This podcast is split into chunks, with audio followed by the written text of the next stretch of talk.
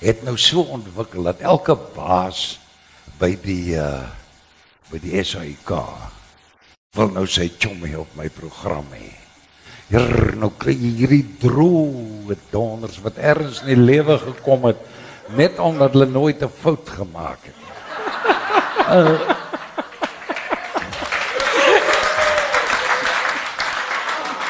en en jy moet hulle nou probeer iets uittrek, jy weet nou ek sê toe nee. Ek is gatvol daarvoor dat elke diktom en herrie in die ou bazaars my gryp en maak of ek sê boetie is. En ek is moeg daarvoor dat elke dronklomp dronk ouens by jou kom en sê, "Hy ou PG." Wel man, ek is dokter Du Plessis, ek is 'n grand ou. Nou kom hulle hier. Hy ou PG man, vertel vir ons 'n storie man. Ek het naderhand gesê, "Haal uit die note ek is 'n professional ek werk vir geld. Jy weet. maar toe sê ek nee. Maar Jan Spies was toe die radio besig met stories. En uh Oliver hom gehad het. En hy sê toe ook nee. Toe lieg Oliver en weer. Hy sê vir my Jan sal dit doen as ek gaan en hy sê vir my ek sal doen as Jan gaan en so gaan hy en daar kry ons Spies en plesier. Maar toe kom hierdie klomp geniale vertellers. Maar die moeilikheid is met daai geniale vertellers. Hulle is almal humoriste. Toe word die ding 'n grappige ding en ons ek wou altyd gehad het ons die regte stories inbring, jy weet. En eh, maar ek kon Ollie nooit bekeer nie. Heel aan die einde het ek in Valiant Swart en Pietman Geldnys en Ollie sulke shows gehad. En toe sê ek vir Ollie Bogger jou nou. Ek gaan die voorste ry vanaand in trane praat. En ek het toe aanvaar hy vir die eerste keer my ernstige stories. Maar ek wil net dit sê. Tolla, Nico, al daai mense het een ding in gemeen wat ek by hulle geleer het.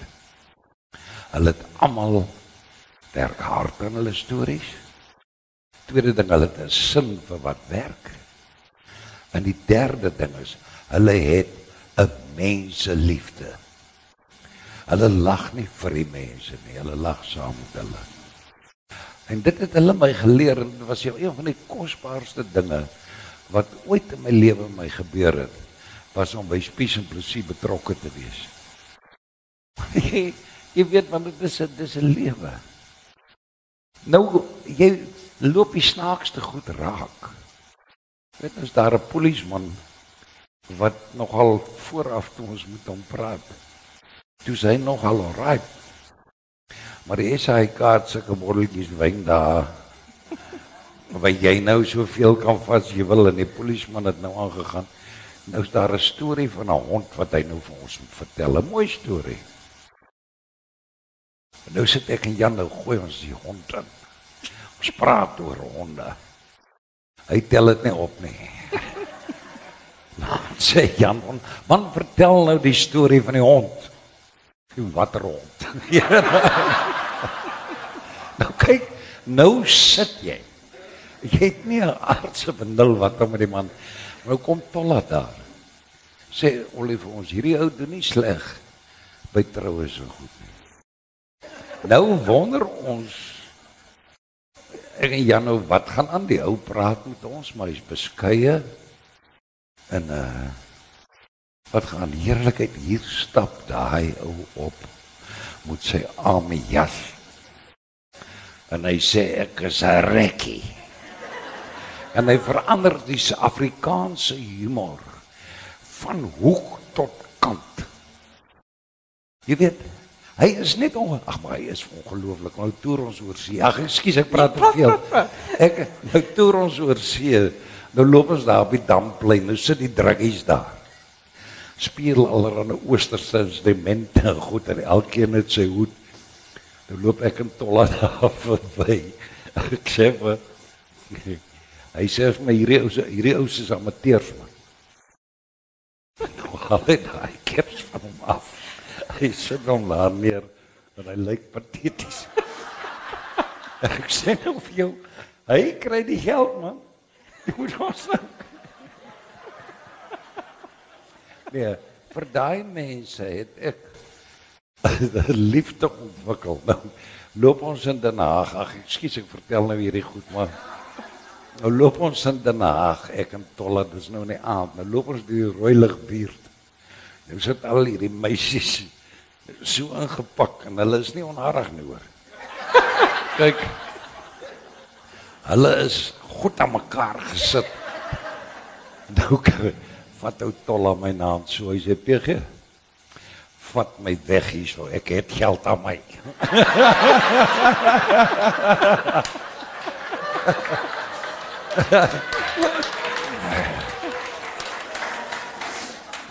nee, spies en plesier was net 'n plesier in my lewe. Maar ek het eers later met my ons Valiant en Pietman Geldnys se shows wat ek nou begin ernstige stories vertel het. En toe werk dit. Eerste aand in die boer het ek gedurende ons vertoning toe vertel ek 'n lekker uh, storie met trane. Maar toe toe hy lê voorste ry toe sê ek nou is ek reg. Maar ek het dan nou 'n uitdaging vir volgende jaar. Ons maak 'n program, ons bied 'n aanbieding aan. PG dryf jou tot trane. Ja. En dan het julle plate van die Vosbroers as agtergrond. Want nou, ek slaam graag nog 'n storie wil vertel met die trein van Pretoria. Ou Gordon Foster het al gesê. Daar's 'n vorm van humor wat ons nie gebruik nie. En dit is as jy 'n ding naderhand so erg maak dat hy snaaks word. Jy het hierdie ou dogtertjie Sy sit daar, haar pappie is dood. Haar boetie is 'n draggie. Sy is koud en honger. Haar moeder is op haar laaste. Hy sê as jy so aangaan dan kom jy op 'n punt waar die smarte snaaks raak. ek ek dink dit is nogal so hier. Skus. maar is dit is dit 'n deal? Hm? Het ons het ons 'n afspraak vir volgende jaar dan? Nie net vir die eerste ek, jaar nie. Ek sal julle sulke mooi stories vertel. Julle sal so ag al vier mense wat kom gaan huil.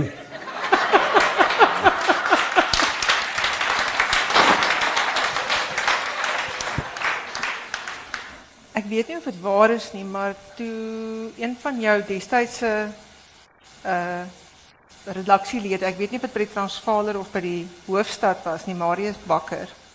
Ja ja.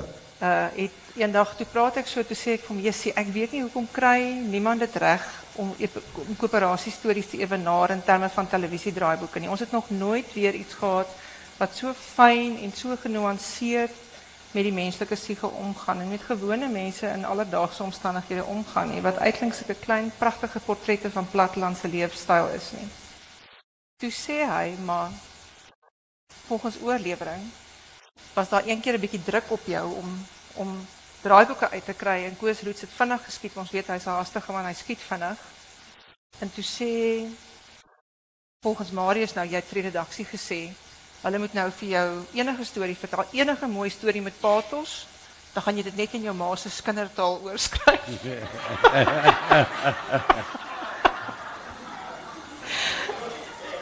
Jong, is hier 'n foon aan die lyn. Ek weet nie. Lei is ek weet nie. Dis 'n foon wat lei Marina ek. Jy is hier in my moffie sak, ekskuus. Want ek dink dit is sy eie een. Nou vibreer hy ook nog.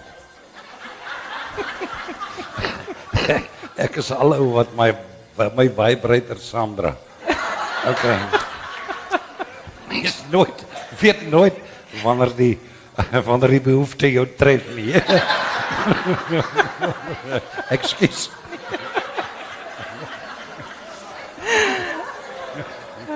Ek weet nie wie het gebel nie, maar dis nou ontydig. Hulle moet maar 'n boodskap los. Ek is ook 'n vrystater en ehm um, ek vind dat jou manier van storie vertel is 'n baie tipies vrystaatse manier van storie vertel. Hoe is dit anders as byvoorbeeld 'n Kaapse manier van storie vertel? Ek weet nie. Maar jy weet wanneer ek 'n storie maak, Ons praat nou in sy eerste fase. Dis nou wanneer jy hom net vir jouself vertel. Dan slaan ek altyd oor in my kop. In die manier waarop ons nie Vrystaat stories vertel. Ag jy weet man, jy ken mos nou vir Sunny de Waal. Hy heerlik is dan vreeslik wat daar gebeur het. Jy weet, my pa en ek het 'n spel gehad, 'n lang pad. Dan ren so by 'n huisie verby dan sê ek sê ek pa ja, dis daarom 'n tragies ding wat hier gebeur het. Dan sê hy ja, boet. Maar sy moes dan nooit alleen daar gaan bly. Dan sê ek maar pa, wat kon sy anders doen? En so vertel ons 'n moerse storie oor 'n huisie by wie ons verby ry. en dit is miskien daai soort storie oefening want my kinders toe hulle klein was, my vrou wou my vermoor. As hulle in die bad sit.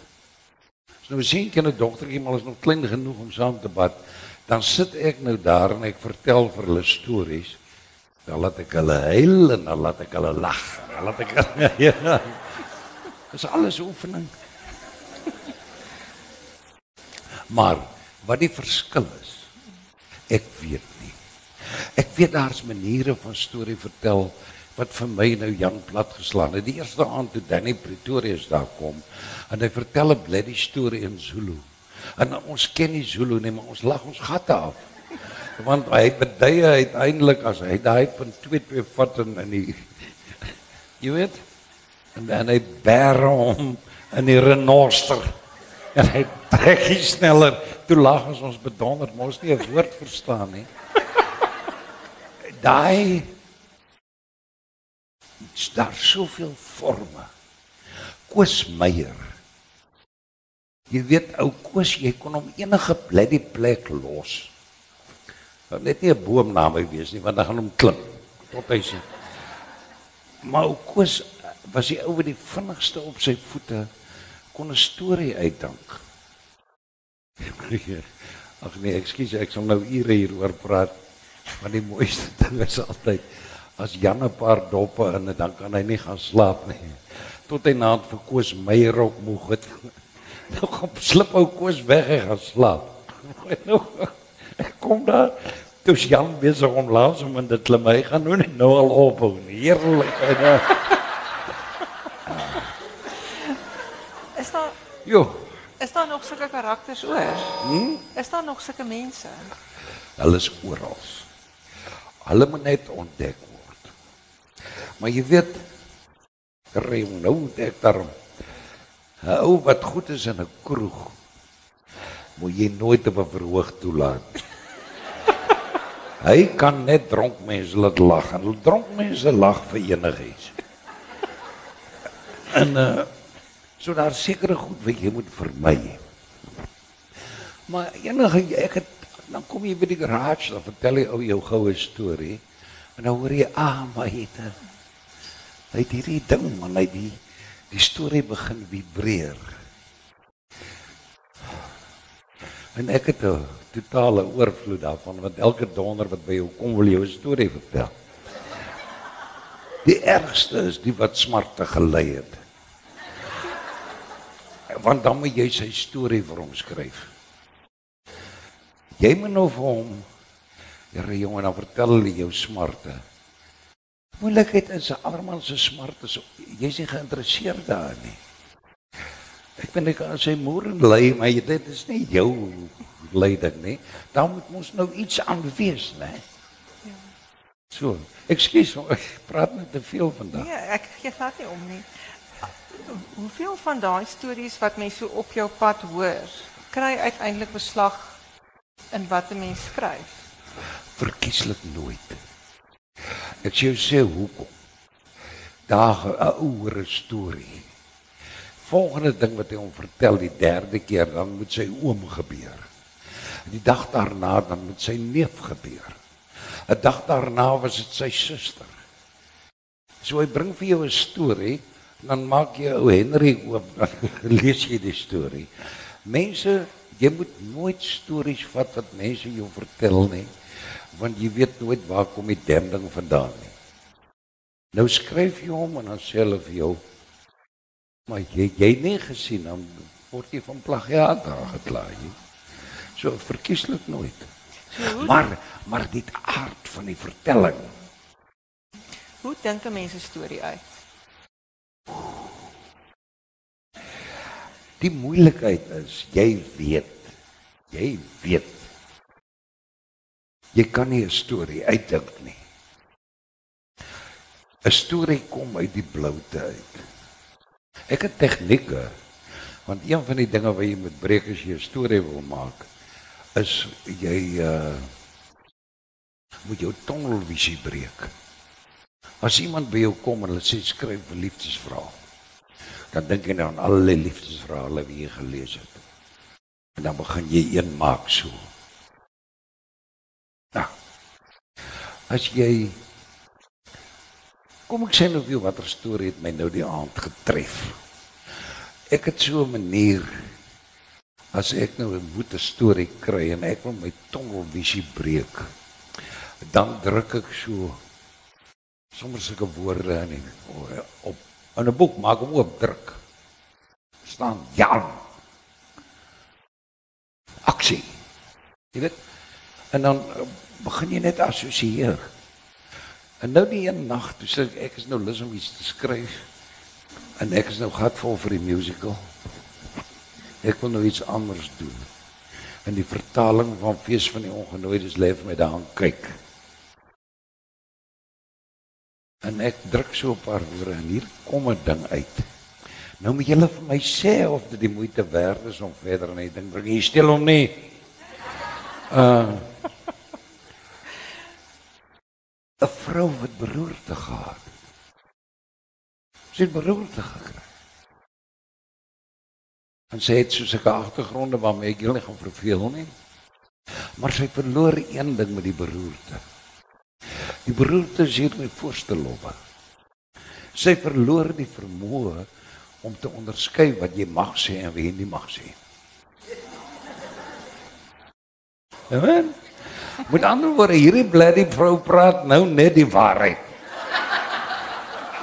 Nou weet jy watter gemors bring dit nou in 'n familie in wat ook maar luskandes het en die goedjies wat hulle doodswyg. Maar hier kom hierdie vrou en sy gooi net die waarheid. Ekskuus tog, ek noem dit ding agterkamer. Want dis waar laat probeer wegsteek, jy weet. Want sy sê al hierdie bloody lelike goed man. Ek wil gou 'n bietjie oor Siener. Kan ek 'n aandering kry wie van het die produksie gesien? So dan met julle paar. Wie die oorspronklike produksie gesien? Selfs meer. Kyk, dit is al 'n paar keer opgevoer. Hoe hoe kyk 'n ouer skrywer na sy jonger werk? Voor ons nou voor ons nou praat oor aanpassings en verplasings. Net as iemand wat iets geskryf het 40 jaar gelede. Hoe kyk 'n mens na jou eie werk met met die ou met die met die bril op? Wel kom ek sê vir jou in die eerste ding. As hy na 44 jaar weer opgevoer word, dan kyk jy met helse dankbaarheid. Want dan weet jy hierdie ding het soort van gehou. Jy weet, dit is vir my verskriklik belangrik. Want hy is altyd so bang, ag, jy weet, as jy daar sit en jy skryf. Jy is altyd bang jy maak 'n eendags vlieg. En dan sê jy erns moes ek iets reg gedoen het, want kyk dan nou. Al daai ouens het my so sleg gesê het in die begin. Waar sy donders, ongelukkig is onder die helfte dood. Maar ek weet nie of ek moet sê ongelukkig of gelukkig nie. Maar jy weet dat mens een van die groot dinge is dat hy jou vyande kan oorleef. Slat julle omat. Harsna. Maar dis altyd swaar om by die graf van 'n vyand te staan. Want jy verloor iets. Jy verloor iemand om te vermaak. Jy verloor hierdie ou, jy hy het nou hy het nie gesien jy het in Stellenbosch gepraat voor 100 mense nie. Dis meer as 100. Hoe meer as 100 mense. Ek bedoel dis ons nou daarom iets, né? En nou is hy donder dood. Jy kan dit nie op, op sy brood smeer nie. Hoe hoe moet hoe moet my generasie wat nou ek was 4 jaar oud toe dit toe siener opgevoer is. Hoe moet ons die reaksie, die aanvanklike negatiewe reaksie op siener verstaan? Die groot ding is met die reaksie van siener aanvanklik. Toe Louis Eksteen gesê het, dis kitchen sink. En die Vaderland het 'n hoofartikel geskryf en gesê dis riool literatuur. Chris Barnard het hom geprys. Jy weet in maar die groot ding is toe hulle hom nie die maandag wou laat opgaan nie en hy breek die kloket rekord. Ek kon nie glo hoe vinnig die word of mouth is. Hy's opgevoer en dag daarna toe raak hy uitbespreek. Net mense wat mekaar vertel. Ek nie geweet hoe werk so vinnig nie. Maar dit het sy al gered anders was hy dood. Maar jy weet onder die boere mense is daar was daar daai dae. Ons het destyds in die ou Johannesburg byvoorbeeld na die naoorlogse verarming toe ons teruggedruk is in Vitas toe ons dogters moes hoere word net om aan die gang te bly toe ons ons longe uitgehoes het van myntering omdat hulle nog nie gekyk het nie nie het daar sekere dinge ontstaan ons moes onsself ook in 'n mate regpraat Ons moet ons het oor die groot trek gelieg om hom te laat beter lyk.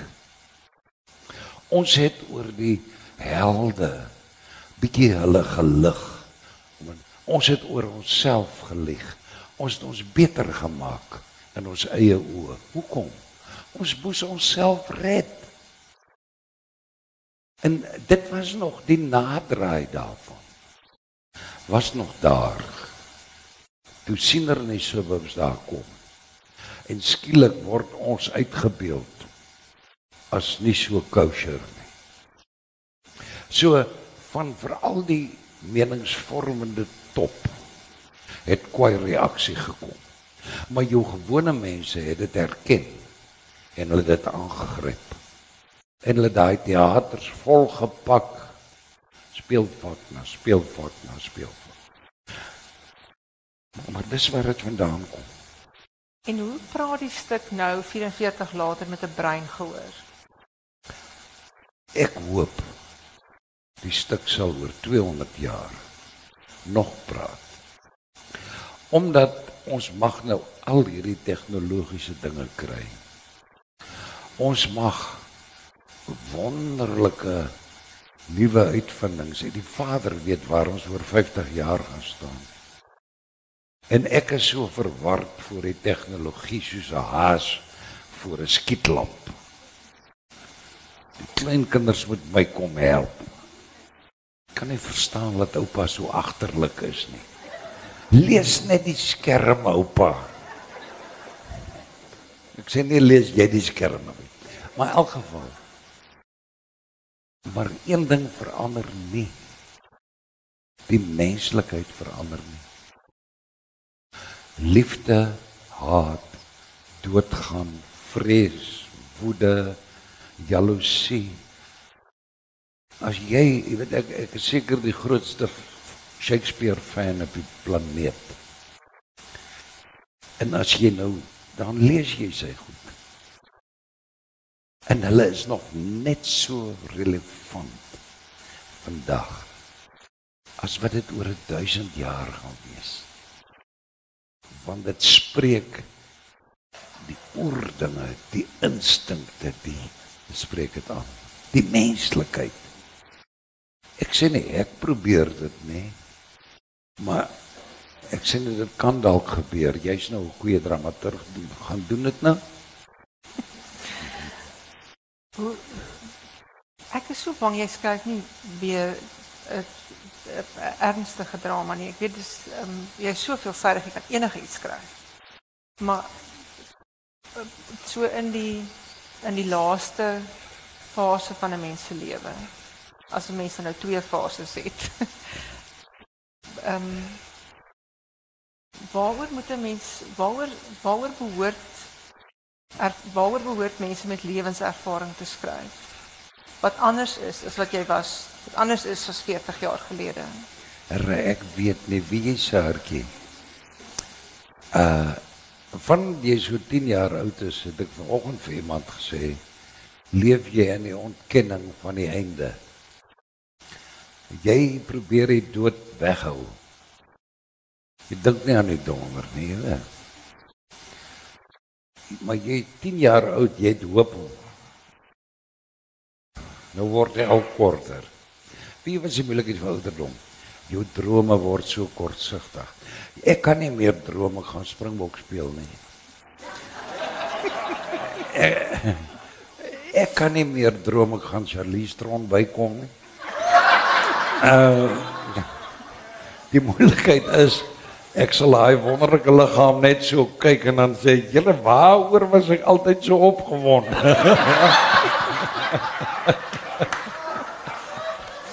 maar ook op jy begin jy begin op 'n ander manier 'n soort nou moet jy mooi luister 'n soort nuwe kortsigtige lang kyk ontwikkel hè want aan die ander kant lê 'n ding wat jy nie weet wat dit is dominees praat en gaan te keer lees vir die Bybel en so maar jy weet nie regtig nie Oké. Okay. Daar's dalk boggerol. Of daar's dalk 'n helse oordeel. Jy meet dit aan jou ervarings langs die pad. Die dag toe ek 'n hartaanval gekry het so 20, 30 jaar terug, vry my vrou met my hospitaal toe en ek weet vir my siel as ek hom nou kry weer kry vrek ek dan kom 'n groot kalmte oor my kan nie verstaan nie ek is dan nie bang nie toe kom ek daar so ek is nie boos nie dis 'n snaakse ding wat by my opgekom het ek is nie boos nie ek bedonder nie ander mense willens en wetens nie that's your right whatever's whatever is on the other side. Ek weet nie. Maar ek wil nie hier in die geloofskwessies ingaan nie, dan moet ek nou 'n paar dae preek voor hulle my begin glo. Ek wil wel nou terwyl ons nou aan kwessies uh kwessies nou bygehaal het. Uh verlede jaar by Aardklop het die fees vir jou 'n spesiale erkenning en verering gegee vir jou bydrae tot tot die kunste en spesifiek Ja, hoekom het jy my nie gegroet daar nie? Dit was miskien Ek ek het so gestoot gevoel. Nou staan ek daar een kant. En hier is nou almal, jy weet Adrian Bason staan daar. Hy ignoreer my so stopstraat. Hier sou staan Sarkie Botha. Nou jy weet ou as ou man jy moet nou hierdie bewondering vir hierdie nuwe mens. Nou Jy moes my gegroet het. Gaan aan. dit was nie ehm um, dis ook maar dis ook maar skaam. Vanoggend by by die Spectrum onder ag by die monitor onderhoud is het die waarnemende visierektor professor van Huisteen homself voorgestel volgens sy ma se beskrywing van hom en dit is stil en skaam. dit is ook myne. maar by die geleentheid ehm um, was daar in jou in jou um, erkenningstoespraak baie sterk standpunt oor rondom Afrikaans. Ja. En Potchefstroom met 'n eie die kampus het 'n eie unieke situasie rondom Afrikaans, Stellenbosch ook. Maar ek dink dit is baie keer goed om so 'n bietjie 'n buitelig 'n buitemening in te in te gooi om bietjie binne 'n bietjie bietjie die die, die lig te suiwer. Wat moet Afrika wat moet Stellenbosch met Afrikaans doen? Jy weet een van die ontstellendste artikels wat ek onlangs gelees het.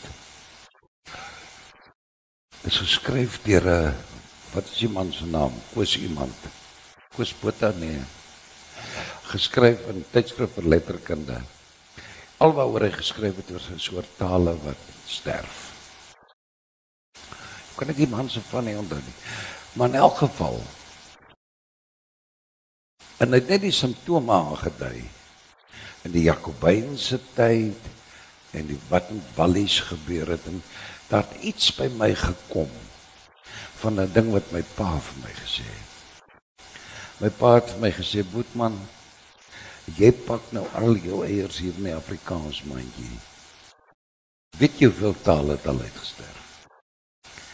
En hier kom hierdie ou is 'n tydskrif vir letterkunde gewees, ek. En hy dui aan wat is die simptome van akkulturasie, van taalverandering. Nou ek het, ek het destyds toe ek direkteur was by die RGN het ons baie daarmee te maak gehad en uh, Karel Prinsloo het my gat gered want hy 'n ding wat hulle vir ons instituut gegee het om na te vors die stand van die landstale het hy linguistiek het hy sosio-linguisties oorgeskakel. Ekskuus, ek wil nie geleerd klink nie, maar het hy oorgeskakel om te kyk wat is die simptome van taalverandering. Jong, en hulle is almal hier. Jy begin al hoe meer vir hulle woorde gebruik. Jy begin jou grammatika stadig aanpas om hulle te akkommodeer.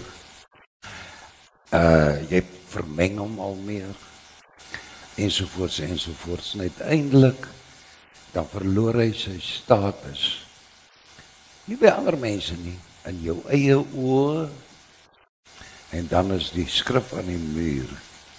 En dan gaan die hele taalgemeenskap mettertyd in 'n soort verwerpingsfase sonder hulle agterkom die tannie probeer net klink soos haar dogtertjie klink. Nou is alles is amazing God ander dag sit ek by my kleinkind se voorstel. Hier's 'n jong predikant en hy vertel my God is amazing. Nou wil ek uitloop. Jy meng nie jou taal voor so man nie. Nou hoekom sê hom vir die liewe Vader meng? So ek is bietjie ek is baie partydig vir my taal. Alles wat ek in my lewe gedoen het, het ek in my taal gedoen. Ek kan nie help dat ek die ding liefhet nie. Hy het uit my ma se mond en my ore gekom en sy het die beste Afrikaans gepraat ek ooit gehoor het want sy het nie baie Engels geken. Maar die kontaminasie van die groot wêreldtale via televisie, via dit, via dat. Dis hoekom ek sê van die grootste behoudende faktore vir Afrikaans Dis kyk net. RSG. Die ATKV. Die kerke. Ek gee die kerke baie min punte, maar daarvoor sal ek hulle gee behalwe as hulle my vertel die liewe Vader is amazing, dan word ek donder. En dit alles is die voedingsbron om die taal lewendig te hou en die stories wat ons vertel en ons letterkunde maar jy moet onthou die letterkunde raak op baie klein dun laagie. Die ouens wat dink hulle het apartheid doodgeskryf ag hulle het 'n illusie man. Apartheid is dood omdat die die muur geval het omdat die Sowjetunie die gees gegee het. Nie omdat 'n paar skrywers in Dakar gestaan heilig hou het nie not a damn ek het vir van Sail Slabbert ook so gesê. Maar in elk geval Daarom is Afrikaans vir my ongelukkig. 'n Geesdrif. As ek half vir Engels was sou gesê dis 'n passie. En ek staan daarby en ek val daarby en skiet my maar. Ek is lief vir Afrikaans. Ja, ja.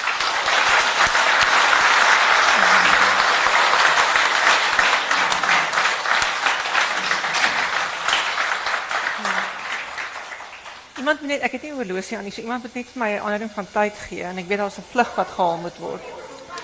kwart voor. Ons het nog tyd. Goed. Ehm um, moet ek ek gaan nie wil is daar iemand wat baie graag 'n vraag wil vra? Goed, ek is eintlik bly daaroor want dan kan ek nog een vraag vra en ses lang antwoorde kry. Nou is my antwoorde te lank. Ja. Jy is my vrou man, as jy, as my vrou nou besluit sy wil kommunikeer. Dan sit sy by daai tafel. My vrou is gekondisioneer om te wil kommunikeer wanneer die stommers op die doellyn van die bulle lê. Hot en hulle kreun en hulle gaan aan. Net sy kommunikeer. Maar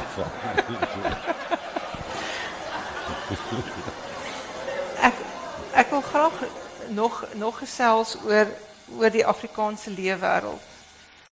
Ehm um, want dit is 'n dis 'n wêreld wat ek dink nie ooit holisties of filosofies belig word nie. Ja. Of bekyk word nie. Um, en dit is 'n wêreld wat ons uit die aard van wat die woordfees is en wie die woordfees se teikenmark is en wie die woordfees se ondersteuner ja. ondersteuners is, moet verstaan.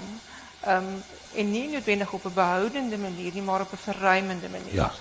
So hoe moet hoe moet Afrikaanse mense hulle plek vind in 'n veranderde wêreld?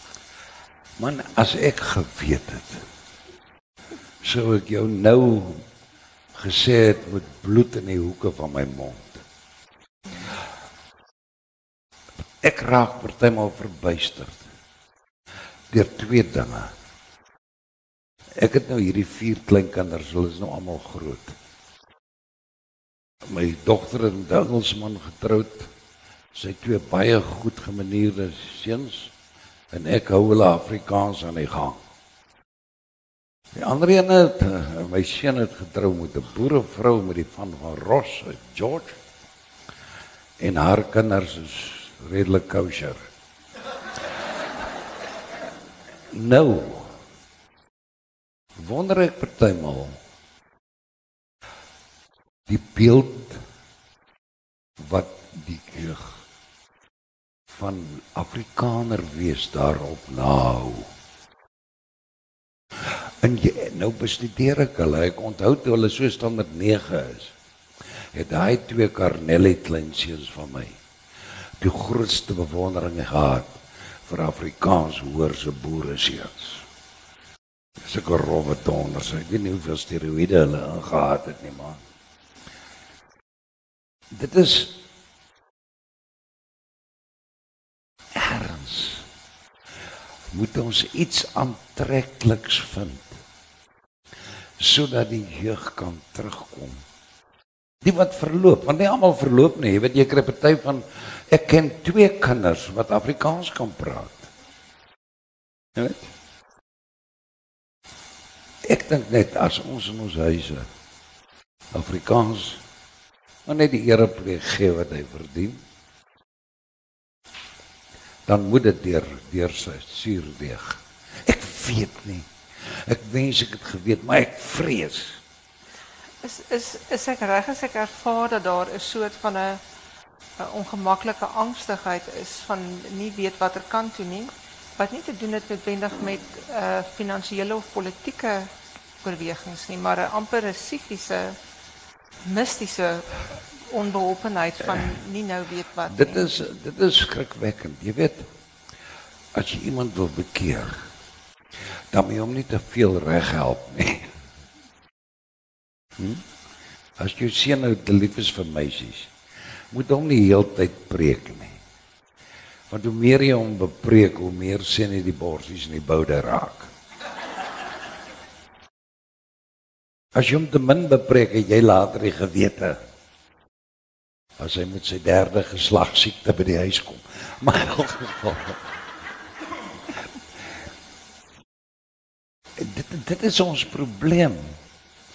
Die magtige Engelse taal wat hier met sepies en met helde Norris aangesit kom. En hier is ons kindertjies 9 jaar oud. En hy sien daai oorweldigende helde goed. Hy assosieer nie net met hom nie.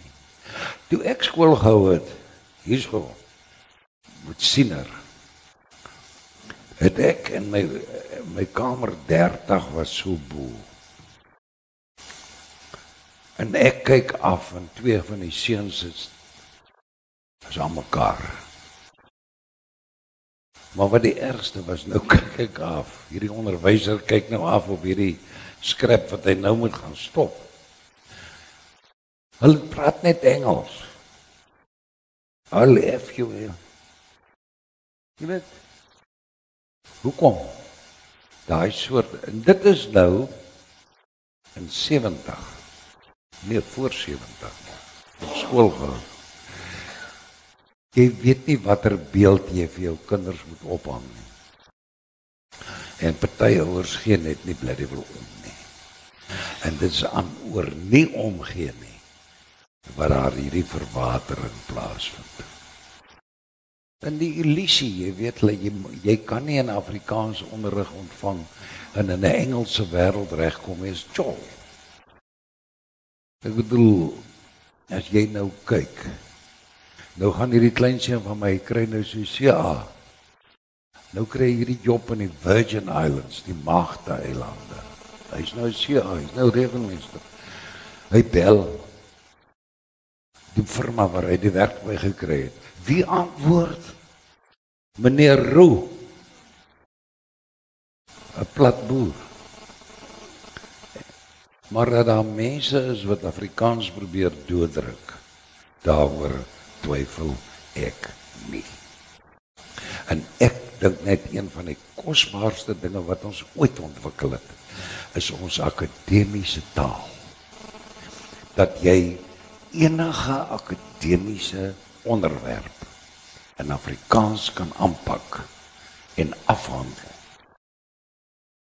Hy sê hulle Engelse skoonseun van my. Hulle kom uit Kibia uit. Nou ken hy nie 'n woord Afrikaans nie. Hy kom stel in Bos toe sê ek van Dawid hoe jy reg gekom. Hy sê nee, ek het die handboeke verstaan en die ander ouens die lesings verstaan.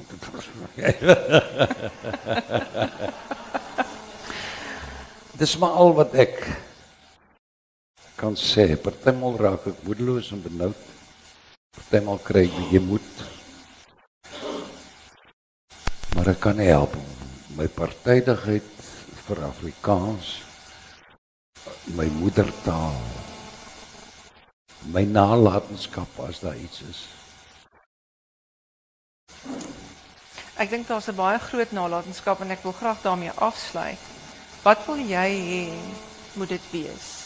Ek dink mense eh, jy het 'n baie spesifieke manier van skryf wat pathos ontroer, wat mense ten diepste raak, wat op eenvoudige menslike ehm um, die eenvoudige eenvoudigste menslike kondisies ingestel is. Wat is as jy skryf nou of van tevore in mens sê hier is die stapel PG Du Plessis, wat moet wat moet lesers en kykers en teatergangers daar uithaal? Weet jy wat sou die beste wees? Deernis. Deernis met die menslike toestand deernis met ons. En om te weet alles jy alles jou IQ 180 jy het nog die emosionele lewe van dieselfde ouetjie wat sukkel om oor 80 te kom sê IQ. Dat dommer ongeleerde mense armer mense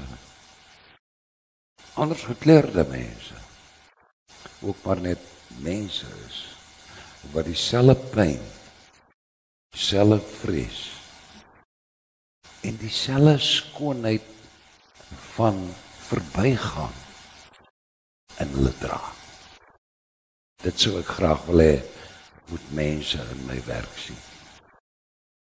Ek dank hulle sien Dank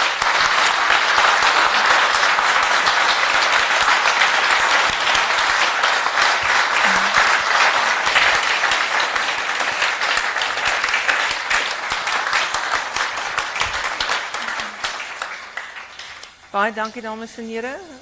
Geniet die dag verder. Groot voorreg om met jou gesels. Baie dankie.